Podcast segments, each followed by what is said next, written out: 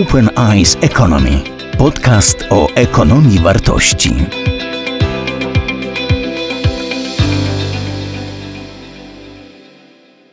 Dzień dobry Państwu. Zapraszam na kolejny wykład z cyklu Ekonomia Wartości.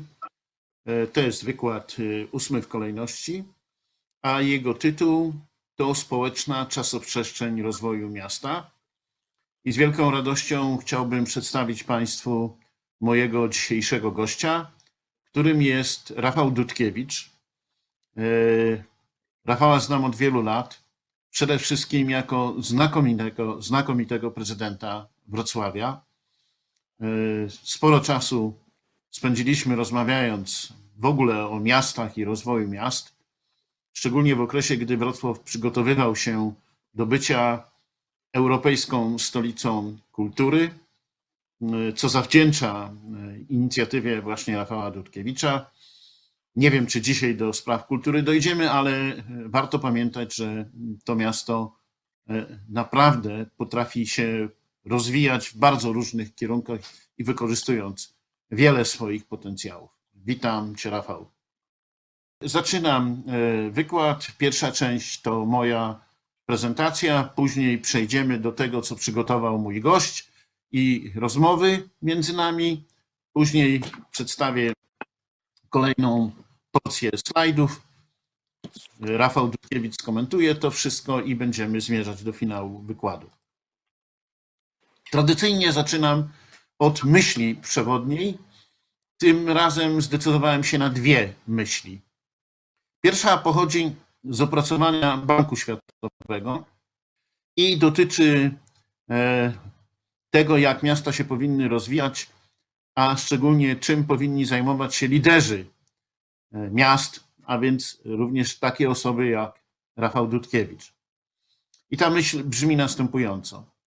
To najsilniejsze miasta wywołują dziś społeczno-gospodarczą nierównowagę na świecie, dzieląc ludzi na biednych i bogatych, pozwalając bardziej zaradnej i przewidującej części społeczeństwa na akumulację kapitału, spychając na społeczny margines tę część obywateli miasta, która nie radzi sobie w warunkach wolnorynkowych. Oczywiście bardzo proszę, żeby w, żaden, w żadnym stopniu nie odnosić tej myśli do mojego gościa i do Wrocławia. I druga myśl, której autorem jest Krzysztof Nawratek, e, Polak, który pracuje w Wielkiej Brytanii mm, i w swojej pracy Wstęp do miejskich rewolucji powiedział coś, co wydaje mi się być bardzo e, ważne, do czego często się odwołuje. Miasta przestały być podmiotami polityki i gospodarki. Przestały same decydować o własnym losie, a stały się zasobami przestrzeni, budynków, infrastruktury, wreszcie też ludzi jako konsumentów i pracowników. Jedyną przyczyną rozkwitu współczesnych miast jest fakt, że są one węzłami sieci globalnych wpływów, globalnych wpływów, to owe wpływy kapitału, ludzi, idei konstytuują miasto. Te obie myśli są bardzo krytyczne, ale one też podkreślają, jakie znaczenie mają we współczesnym świecie miasta, zwłaszcza te wielkie miasta, i po drugie podkreślają, że one są źródłem szans i źródłem zagrożeń, więc warto o miastach mówić, zastanawiać się nad ich rozwojem, także w kontekście dzisiejszego dnia, w kontekście pandemii koronawirusa. To postać Krzysztofa Nawratka, więc autora tej drugiej myśli, który pracuje w School of Architecture and Design Plymouth. Zaczynam moją prezentację od zdjęcia z lotu ptaka miasta, które zostało założone w wieku XVI, w okresie rozkwitu renesansu. Znajduje się niedaleko od Wenecji, nazywa się Palmanowa i to miasto zostało stworzone od zera, od nowa przez najwybitniejszych architektów tamte, tamtego czasu. Ludzi, którzy chcieli stworzyć idealne miasto, które chcieli stworzyć miasto zawsze piękne, najpiękniejsze z możliwych. Miasto, których ludzie mogliby żyć w idealnych, najlepszych możliwych warunkach. Dzisiaj to miasto istnieje, można do niego pojechać, zobaczyć, ale w istocie rzeczy to miasto nie jest żywym tworem miejskim, jest skansenem. Oczywiście coś się w nim dzieje, bo przyjeżdżają tam turyści, bo są jakieś restauracje, bo są ludzie, którzy obsługują turystów, ale to miasto się nie rozwija. Ono po prostu trwa. Przetrwało, ale nie ma zdolności rozwojowych. Dlaczego? No właśnie dlatego, że zostało wymyślone, skonstruowane. Ono nie powstawało organicznie. Ono nie miało od samego początku tych sił społecznych, tego żywiołu miejskiego, który nadawałby temu miastu od początku kształt i który by powodował, że to miasto byłoby miastem jego mieszkańców. To wszystko zostało stworzone dla nich, ale bez nich. I to jest bardzo poważny problem wielu koncepcji urbanistycznych i architektonicznych, które na pozór tworzą coś wspaniałego, ale w istocie rzeczy od początku na swój sposób martwego. Drugi przykład, do którego chcę się odwołać, to Seul. Miasto wielomilionowe, jedno z największych w świecie, metropolia kilkunastomilionowa. Otóż przez to miasto przebiegała kiedyś stosunkowo nieduża rzeka. Nie chcę wymieniać nazwy tej rzeki, bo będę ją zapewne przekręcał, ale jest na tytule slajdu. I kiedyś, kiedyś, kiedyś, w czasach, kiedy dla rozwoju miast najważniejsza była sieć komunikacji samochodowej, sieć ruchu, na całej długości tej rzeki przebiegającej przez to wielkie miasto stworzono e, taką sieć komunikacyjną. Stworzono wielką, nowoczesną autostradę. Dzięki temu mieszkańcy tego miasta mogli się przemieszczać z jednej części do drugiej. Ale po pewnym czasie zorientowano się, że ta bardzo nowoczesna, modernistyczna inwestycja nie pomaga w rozwoju miasta i wiele, wiele lat później inny burmistrz w innych czasach postanowił zniszczyć tą sieć komunikacyjną, tą trasę komunikacyjną przebiegającą przez całe miasto. Przywrócono rzekę. Jak widzicie, nie jest to w tym momencie już jakaś większa, e, większy basen wodny. Przywrócono po to, żeby w centrum miasta, przez cały środek miasta, stworzyć przestrzeń, w której mogą przychodzić ludzie, mogą się spotykać, mogą się wzajemnie o siebie ocierać, mogą poczuć, że to jest miejsce dla nich, bo to jest przestrzeń publiczna, a nie przestrzeń dla samochodów. Z przestrzeni dla samochodów, w której siedzą ludzie, ten burmistrz postanowił stworzyć przestrzeń dla ludzi, uważając, że to jest bardzo ważne, ponieważ to ci ludzie w istocie rzeczy decydują o rozwoju miasta. On zmienił charakter przestrzeni tego miasta, ale ta operacja zmiany przestrzeni miała na celu zmianę relacji między ludźmi. Chcę więc powiedzieć, że jeśli rozmawiamy o mieście, to rozmawiamy ciągle pamiętając, że konieczne jest rozróżnienie dwóch wymiarów istnienia miasta. I te dwa wymiary istnienia miasta dostrzegali już Rzymianie, bo to oni tworzyli pierwsze wielkie, nowoczesne miasta. Z jednej strony miasto to urbs, czyli miasto mury. Z drugiej strony miasto to wspólnota, miasto to civitas. I to połączenie urbs and civitas jest zasadniczym problemem. Jeśli chcemy zastanawiać się, dlaczego określone miasta rozwijają się w ten sposób, to musimy się zastanawiać nad tym, jak w tych miastach połączone jest właśnie owo urbs and civitas, wspólnota i ta materialna część miasta, jego zagospodarowanie przestrzenne. Dwa kolejne slajdy były przeze mnie już pokazywane na wcześniejszych wystawach, wykładach, zwłaszcza na wykładzie, którym, którego gościem był profesor Przemysław Czapliński, bo trochę z jego dorobku korzystałem przygotowując ten slajd o rodzajach przestrzeni. A więc przestrzeń możemy ujmować fizycznie i jako taka ma ona granice sztywne. Więc o mieście możemy pomyśleć właśnie jako o mieście murach, jako o tym, co stanowi materialną substancję miasta, pomyśleć o nim jako o czymś, terytorium zagospodarowanym przestrzennie, zagospodarowanym fizycznie, które ma swoje fizyczne granice. Ale możemy też o mieście pomyśleć jako o przestrzeni wymiany. Krzysztof Nawratek mówił, że miasto to pływy kapitału, ludzi. Więc w mieście i pomiędzy miastem i otoczeniem zawsze dokonuje się jakaś wymiana. To jest wymiana towarów, wymiana usług, wymiana także ludzi, wymiana informacji, wymiana wiedzy.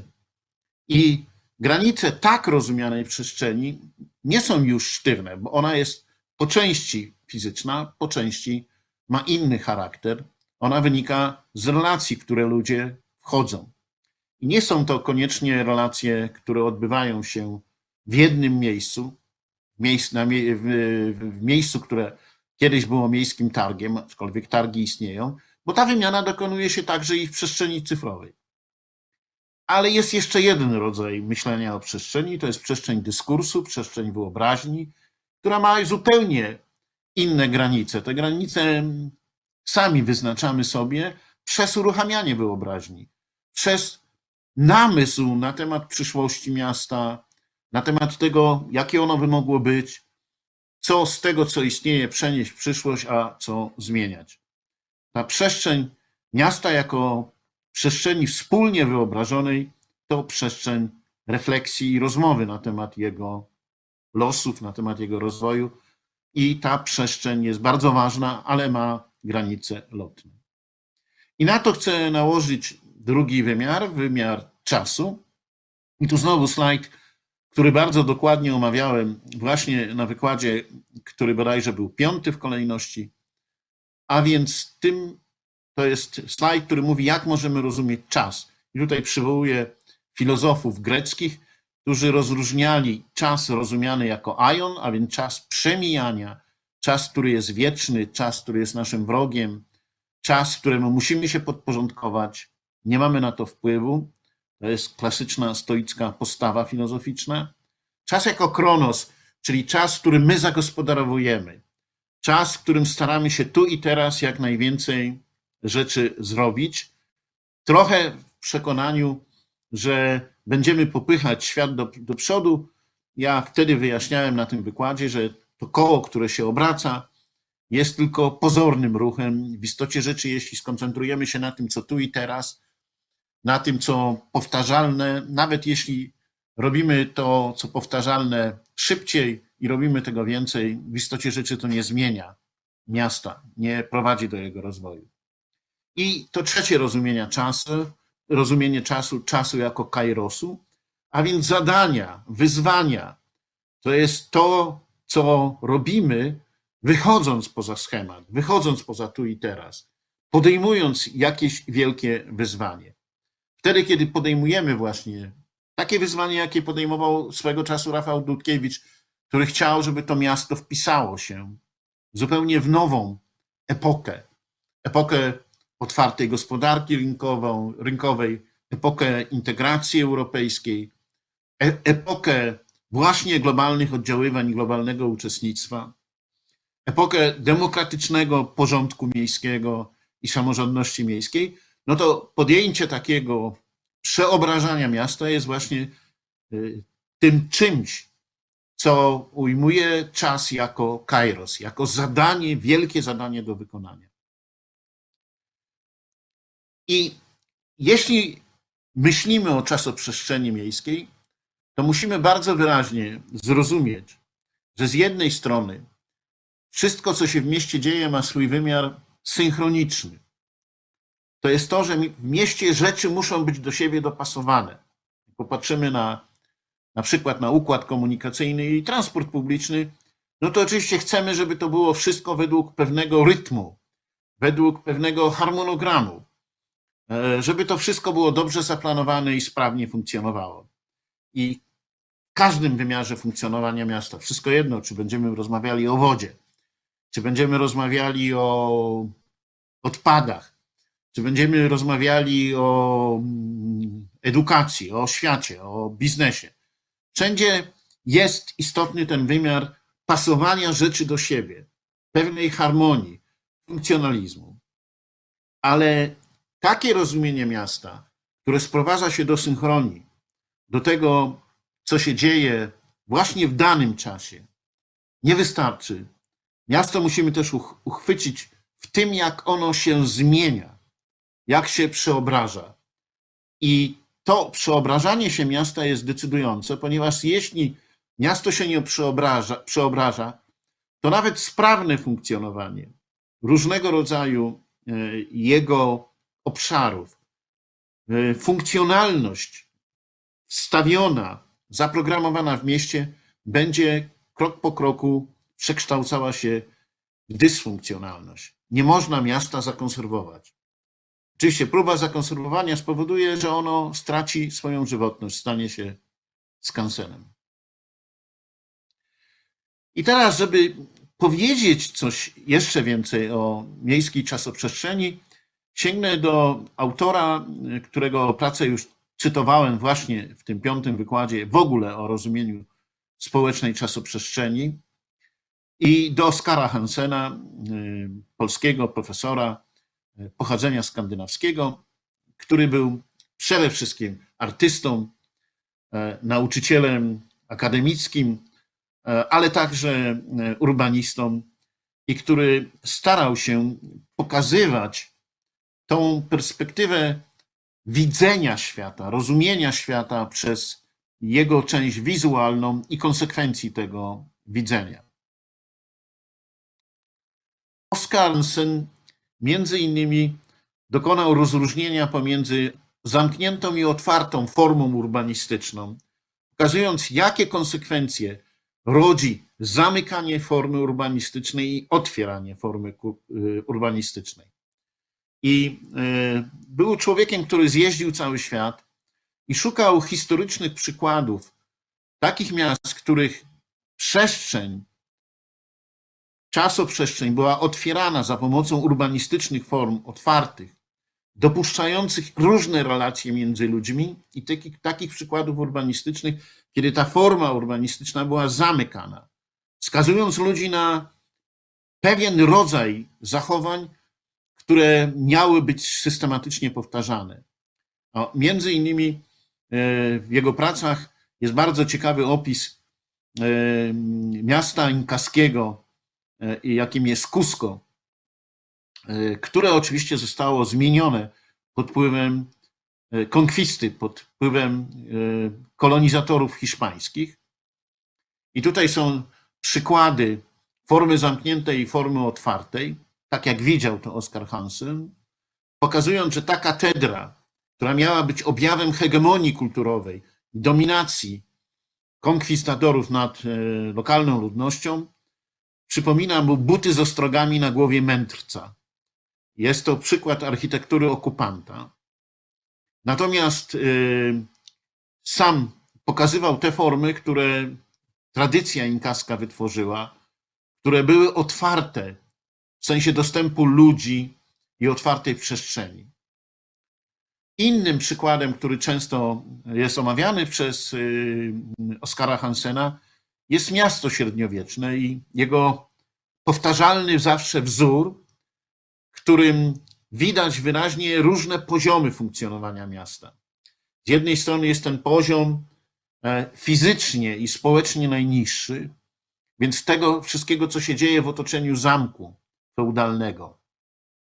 Potem jest ten poziom drugi, poziom zamku feudalnego, który jest zawsze na podwyższeniu, co demonstruje przewagę dominację, podległość wszystkich, którzy są na tym poziomie niższym, ale to rozumowanie idzie także w górę, bo powyżej tego zamku jest niebo i traktowanie władzy jako władzy, która jest ma nadanie boskie, która jest władzą y, y, ludzkiego, ziemskiego namiestnikostwa w stosunku do, do Boga. I ta forma urbanistyczna utrwalała pewien porządek społeczny, ograniczała możliwość dokonywania w nim zmian, dokonywania przeobrażeń.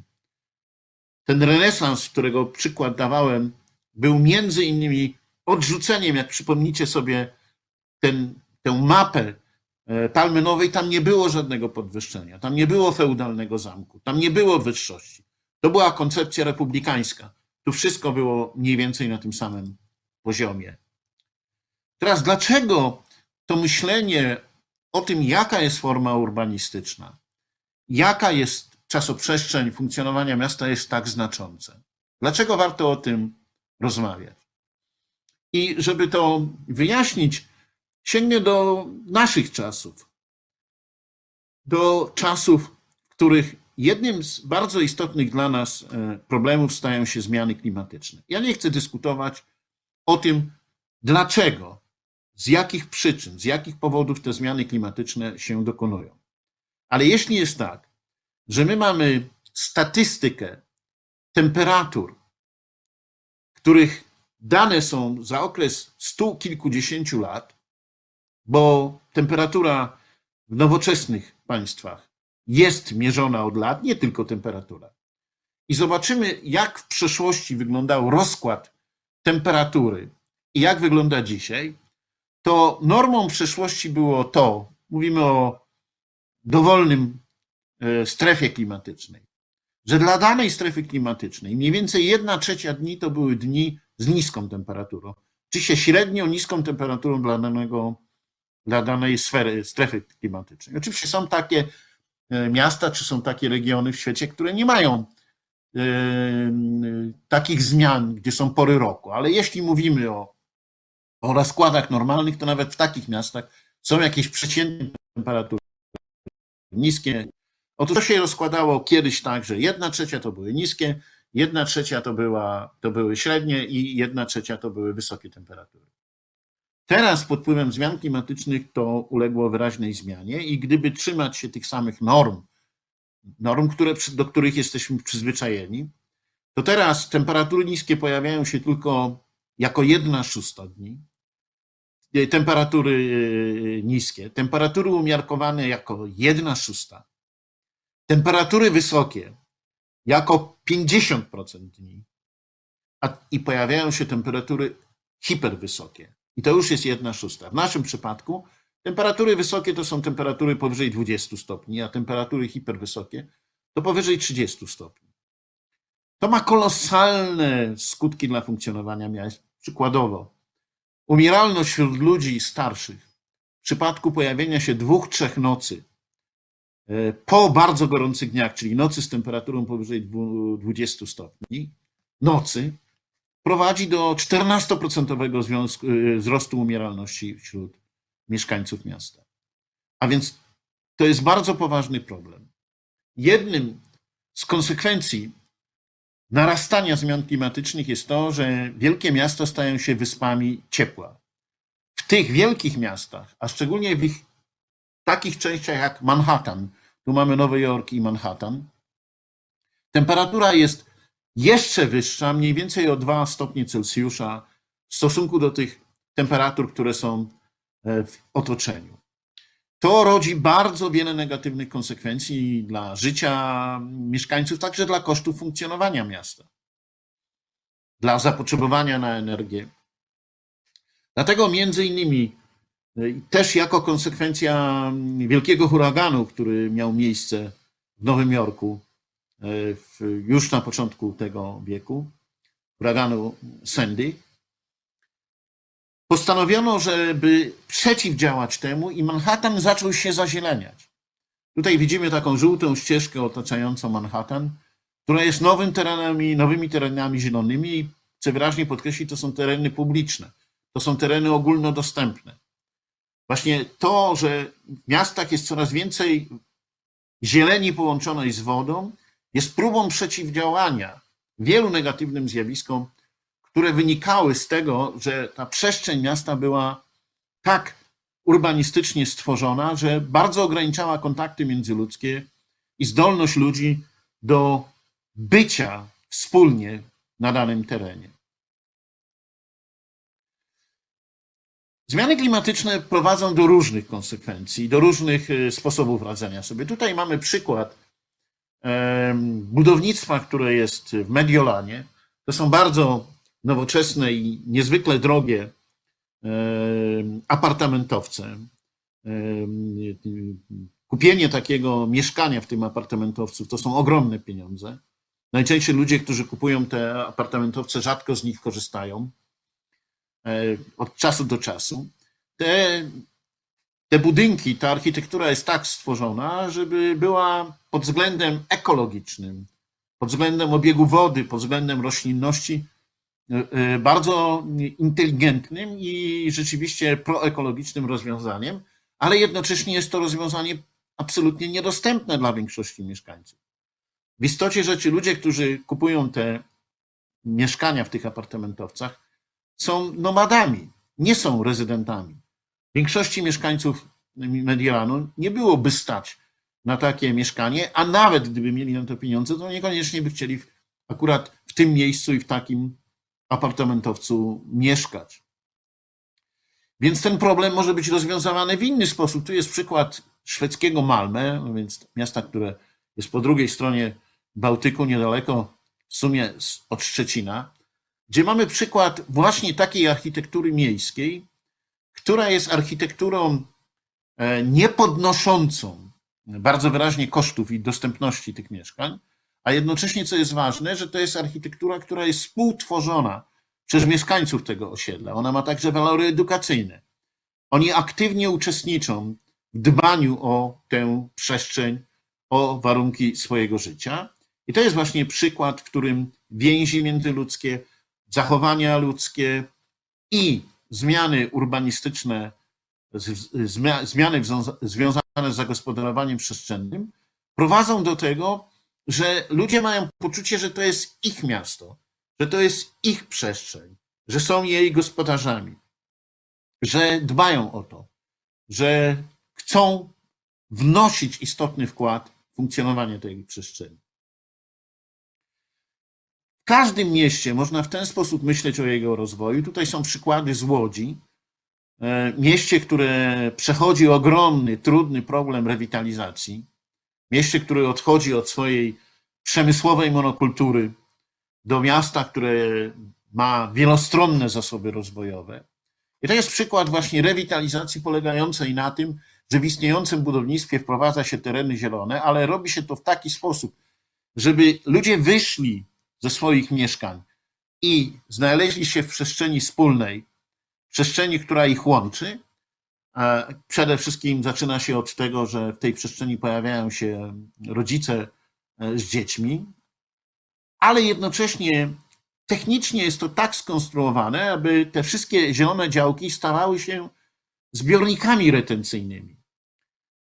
To znaczy, że te tereny zielone mają być utrzymywane głównie z tej wody, wody deszczowej.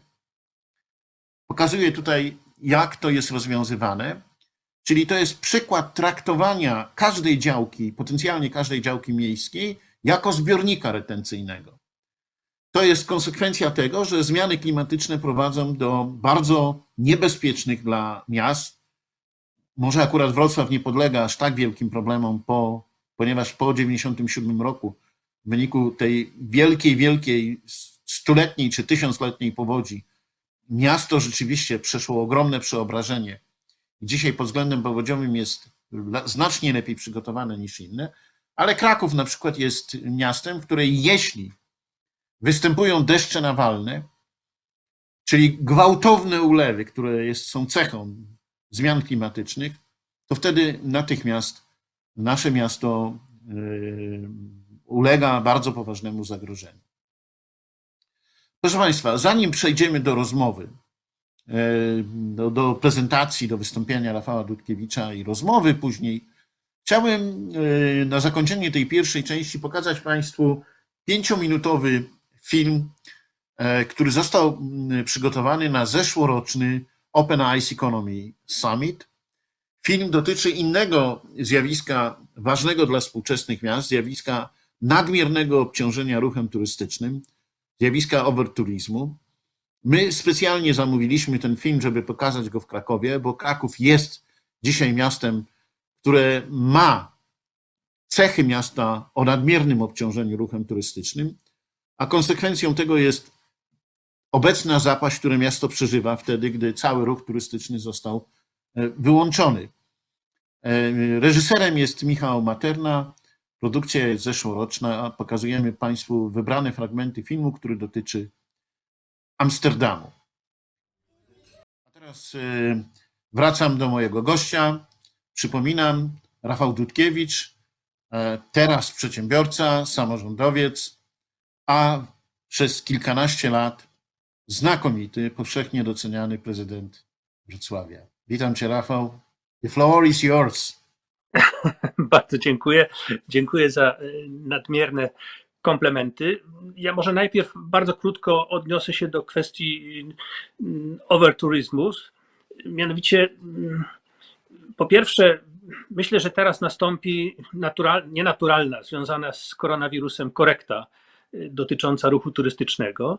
Po drugie, mm, rzecz y, polega na dwóch elementach. Mianowicie, z jednej strony, oczywiście jest rzeczą pożyteczną rozwijać y, turystykę, z drugiej strony istnieją przecież możliwości dokonywania tak zwanych pomiarów obciążenia ruchem turystycznym.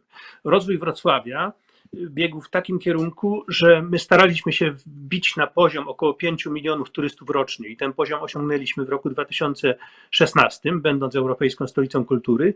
Równocześnie wiedzieliśmy, że dokonawszy tych pomiarów, o których mówię, nie powinniśmy przekraczać w przyszłości 7 milionów turystów. Zamykam kwestię, kwestię turystyki i chciałbym przejść do, do spraw poruszonych przez, przez, pana, przez pana profesora.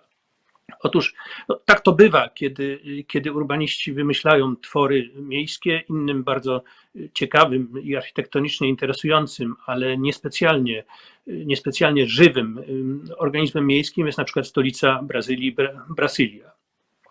Rzecz polega na tym, że życie współcześnie jest w miastach. Berlin, w którym niedawno, do niedawna mieszkałem przez rok, miał przed wojną, przed II wojną światową mniej więcej tyle samo mieszkańców, ile ma teraz. Był przed II wojną światową trzecim co do wielkości miastem na świecie. Po Nowym Jorku, Londynie, na trzecim miejscu był Berlin. Dziś, tak jak powiedziałem, ma równie wielu mieszkańców jak przed II wojną światową i pewnie oscyluje wokół pierwszej setki. Zatem następuje niezwykły w skali globalnej poziom koncentrowania życia w miastach to miasta są największym producentem energii społecznej, równocześnie są największym konsumentem energii, energii fizycznej. Jednym z problemów, których, które nie wiem, czy będziemy dzisiaj o tym rozmawiać, ale jednym z problemów, które napotykamy w XXI wieku, jest coś, na co zwrócił uwagę Benjamin Barber, którego na marginesie poznałem właśnie w Berlinie i tam rozmawialiśmy o jego przyszłej książce pod tytułem Gdyby burmistrzowie rządzili światem. Otóż Benjamin zwraca uwagę na to, że życie jest w miastach, a polityka jest w państwach ukształtowanych w XIX, w XIX stuleciu. Moje myślenie o mieście jest bardzo bliskie tego, o czym pan profesor mówił, opowiadając o przestrzeni otwartej. Miasto jest i powinno być przestrzenią otwartą. Miasto powinno być przestrzenią wymiany myśli, czegoś, co jest najważniejsze w XXI wieku. Zauważcie Państwo, że my przeszliśmy od wymiany, od wymiany dóbr do wymiany myśli, do wymiany idei. I znów uwaga na marginesie, mam nadzieję, że koronawirus nie zaburzy tego, tego paradygmatu, nie, nie, nie zniszczy tego imperatywu kształtowania przestrzeni, przestrzeni otwartych. W moim myśleniu o Wrocławiu było bardzo wiele, wiele wątków. Jeden z najważniejszych wątków dotyczył po pierwsze uwspólnienia miasta, tego właśnie, aby miasto było, aby miasto było własnością, czy, czy podmiotem, czy, czy treścią myślenia wszystkich jego mieszkańców. Moje myślenie oscylowało wokół tego, że trzeba unikać kształtowania miasta zbudowanego na warstwach, gdzie ludzie mogą się poruszać w różnych przestrzeniach, w ogóle siebie nie widząc. Takie warstwowe rozumienie miasta, takie warstwowe kształtowanie miasta jest bardzo, jest bardzo dla miast niebezpieczne. I wreszcie moje myślenie oscylowało wokół różnego rodzaju kapitałów, poczynając od kapitału monetarnego, od pieniędzy, poprzez kapitał ludzki, kapitał intelektualny związany z kształceniem i kapitał społeczny. To były kwestie, które, które usiłowałem we Wrocławiu, we Wrocławiu kształtować. Rzeczywiście bardzo długo uważałem i uważam do dzisiaj, że jednym z silników napędzających miasto jest kultura. Ale po momencie, kiedy zakończyliśmy bycie Europejską Stolicą Kultury, wprowadziłem w administracji miejskiej zupełnie nową jakość, mianowicie powołałem tak zwany Zielony Departament.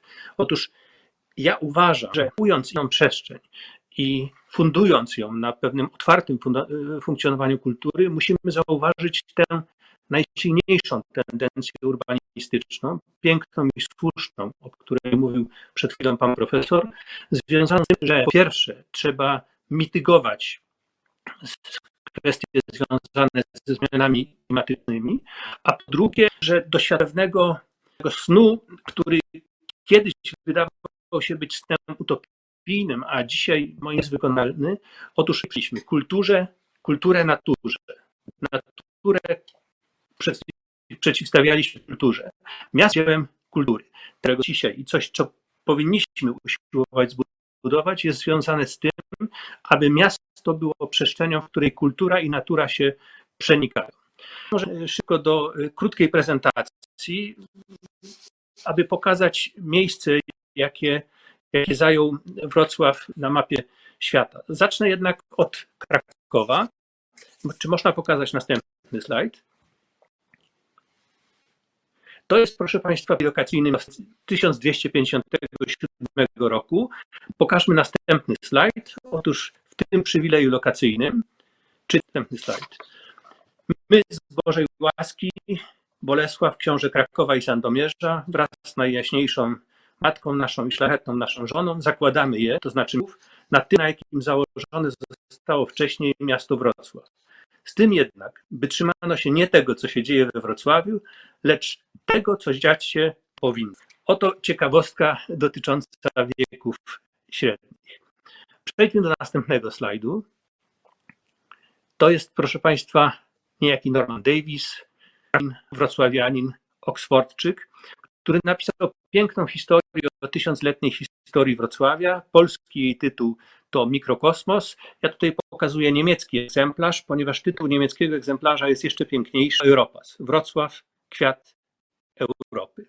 Norman Davis opowiada o tym, jak bardzo barwna jest historia Wrocławia, jak bardzo można po mikrokosmos w historii miasta, w historii Europy. Ciekawostką jest na przykład to, że w historii Wrocławia jego nazwa zmieniała się 70 razy. Od bardzo starej Wratysławia poprzez Preslaw, Breslau, no i współcześnie Wrocław. Pokażmy następny slajd. Oto słynna księga Henrykowska. Księga, która znajduje się w zbiorach Muzeum Archidiecezjalnego we Wrocławiu, która pokazuje, jak wielokulturowy był w historii przez wieki, przez, historii, przez wieki, przez lata historii Śląsk, którego historyczną stolicą był Wrocław. Księga Henrykowska powstała w XIII wieku nieopodal Wrocławia. To jest ik pisany przez, uwaga, niemieckiego mnicha, który pisał po łacinie, a w księdze tej możemy znaleźć pierwsze zdanie po polsku. To jest zdanie, które czesk mówi do swojej żony Polki. Zatem jeszcze raz, niemiecki mnich pisząc po łacinie, Czecha, który po polsku rozmawia ze swoją żoną Polką. Tak kształtował się Śląsk. A teraz wróćmy do Wrocławia. Następny slajd. To jest, proszę Państwa, zdjęcie z 1945 roku, kiedy dokonały się dwie rzeczy bardzo wyraziste. Z jednej strony w ostatnich kilku tygodniach wojny Wrocław został zniszczony w 76 plecach. Na marginesie mało kto pamięta o tym, że tylko od lutego do 20 we Wrocławiu 170 tysięcy osób, osób cywilnych. Przed i po zakończeniu wojny we Wrocławiu dokonała się całkowita wymiana ludności. Wrocław jest jednym z niewielu wielkich miast świata, gdzie ludność wymieniono nie w 20, nie w 50, nie w 80, ale w 100%. Pokażmy następny slajd. To jest zdjęcie pokazujące, że Wrocław należało odbudować i natychmiast po 1945 roku zaczęła się powojenna Wrocławia dekadę po dekadzie. I przejdźmy do slajdu, a zaraz wyjaśnię, dlaczego chcę o tym rozmawiać. To jest pomnik kardynała Kominka, który w 1965 roku innymi biskupami polskimi wysłał słynny list biskupów polskich do biskupów niemieckich, w którym to liście zawarto zdanie przebaczamy, prosimy o wybaczenie. Rok później. I tutaj pokazujemy następny slajd. Kardynał Kominek został zapytany, dlaczego napisaliśmy taki, napisano taki list do braci niemieckich. I on wtedy, które, które tutaj właśnie widzimy, Europa to nasza przyszłość, nacjonalizm pogłębienie dyskusji o organizacji rozwiązania federacyjnego dla wszystkich narodów Europy, między innymi poprzez stopniową rezygnację z narodowej suwerenności w kwestiach gospodarki i polityki zagranicznej, jest konieczne. To jest bardzo głębszy od lat. Nacjonalizmy są wczorajsze, Europa jest naszą przyszłością. Przejdźmy do następnego slajdu i pokażmy Fritza Sterna. Powiem zaraz, dlaczego chcę opowiedzieć o Fritzu Sternie. Otóż bardzo długo, ze względu na wymianę ludności, wrocławianie nie czuli się w swoim mieście suwerennie. Tę suwerenność poczuli ostatecznie w słynnej dekadzie Solidarności. W latach pomiędzy rokiem 80 a rokiem 89, wtedy, kiedy to Polska ponownie odzyskała wolność. Fritz Stern, urodzony we Wrocławiu, napisał bardzo piękną książkę Niemcy w pięciu wcieleniach i w jednym z pierwszych rozdziałów mówi bardzo rzecz Solidarności. Pokażmy ten cytat. To jest następny slajd. I wtedy z oddali patrzyłem na moje miasto Wrocław w latach 80. ubiegłego stulecia, które nabierało nowego, szlachetnego znaczenia, stając się twierdzą Solidarności. Polskiego, który prowadził do samowykowej i, uwaga, do zjednoczenia Niemiec, piątych Niemiec w moim życiu. I tu opowiem anegdotę. Otóż ze względu na ten cytat pokazujący rolę Solidarności w historii Wrocławia, ale też w historii Europy, ja chciałem postawić Fritzowi Szternowi dwa pomniki we Wrocławiu i w Berlinie. Udałem się w związku z tym do rządzącego burmistrza Berlina, to było trzy lata temu, i zaproponowałem mu: Michał, mam taki pomysł, postawmy w Berlinie i we Wrocławiu pomnik Fritza Szterna, ale prosiłbym, żeby ten pomnik zawierał też cytat, mi chodzi. I uzyskałem następującą odpowiedź. Rafał, to genialny pomysł, ale wiesz, my mamy taką uchwałę, która zobowiązuje nas, że przez najbliższych 10 lat będziemy stawiali pomniki wyłącznie kobietom. W rzeczy samej Fritz Stern nie był kobietą, ale tenże sam burmistrz Berlina udzielił mi pięknej rady, mianowicie, że jest wyłożona przestrzeń akademicka. I w związku z tym na dwóch przestrzeniach akademickich, na Uniwersytecie Wrocławskim, w Bibliotece Uniwersytetu Wrocławskiego oraz w Brandenbursko-Berlińskiej Akademii Nauk przy Gendarmenmark w Berlinie stoją popiersia Fritza Sterna właśnie z tymi cytatami w języku polskim w Polsce, w języku niemieckim w Niemczech. Przypomnieć, była bardzo ważna w historii Europy. I wreszcie następny slajd. Rzecz, która w moim życiu i w życiu mojego miasta była rzecz, sprawa i dzień, który był jednym z najważniejszych dni, to 1 maja 2004 roku, nasze wejście do Unii Europejskiej.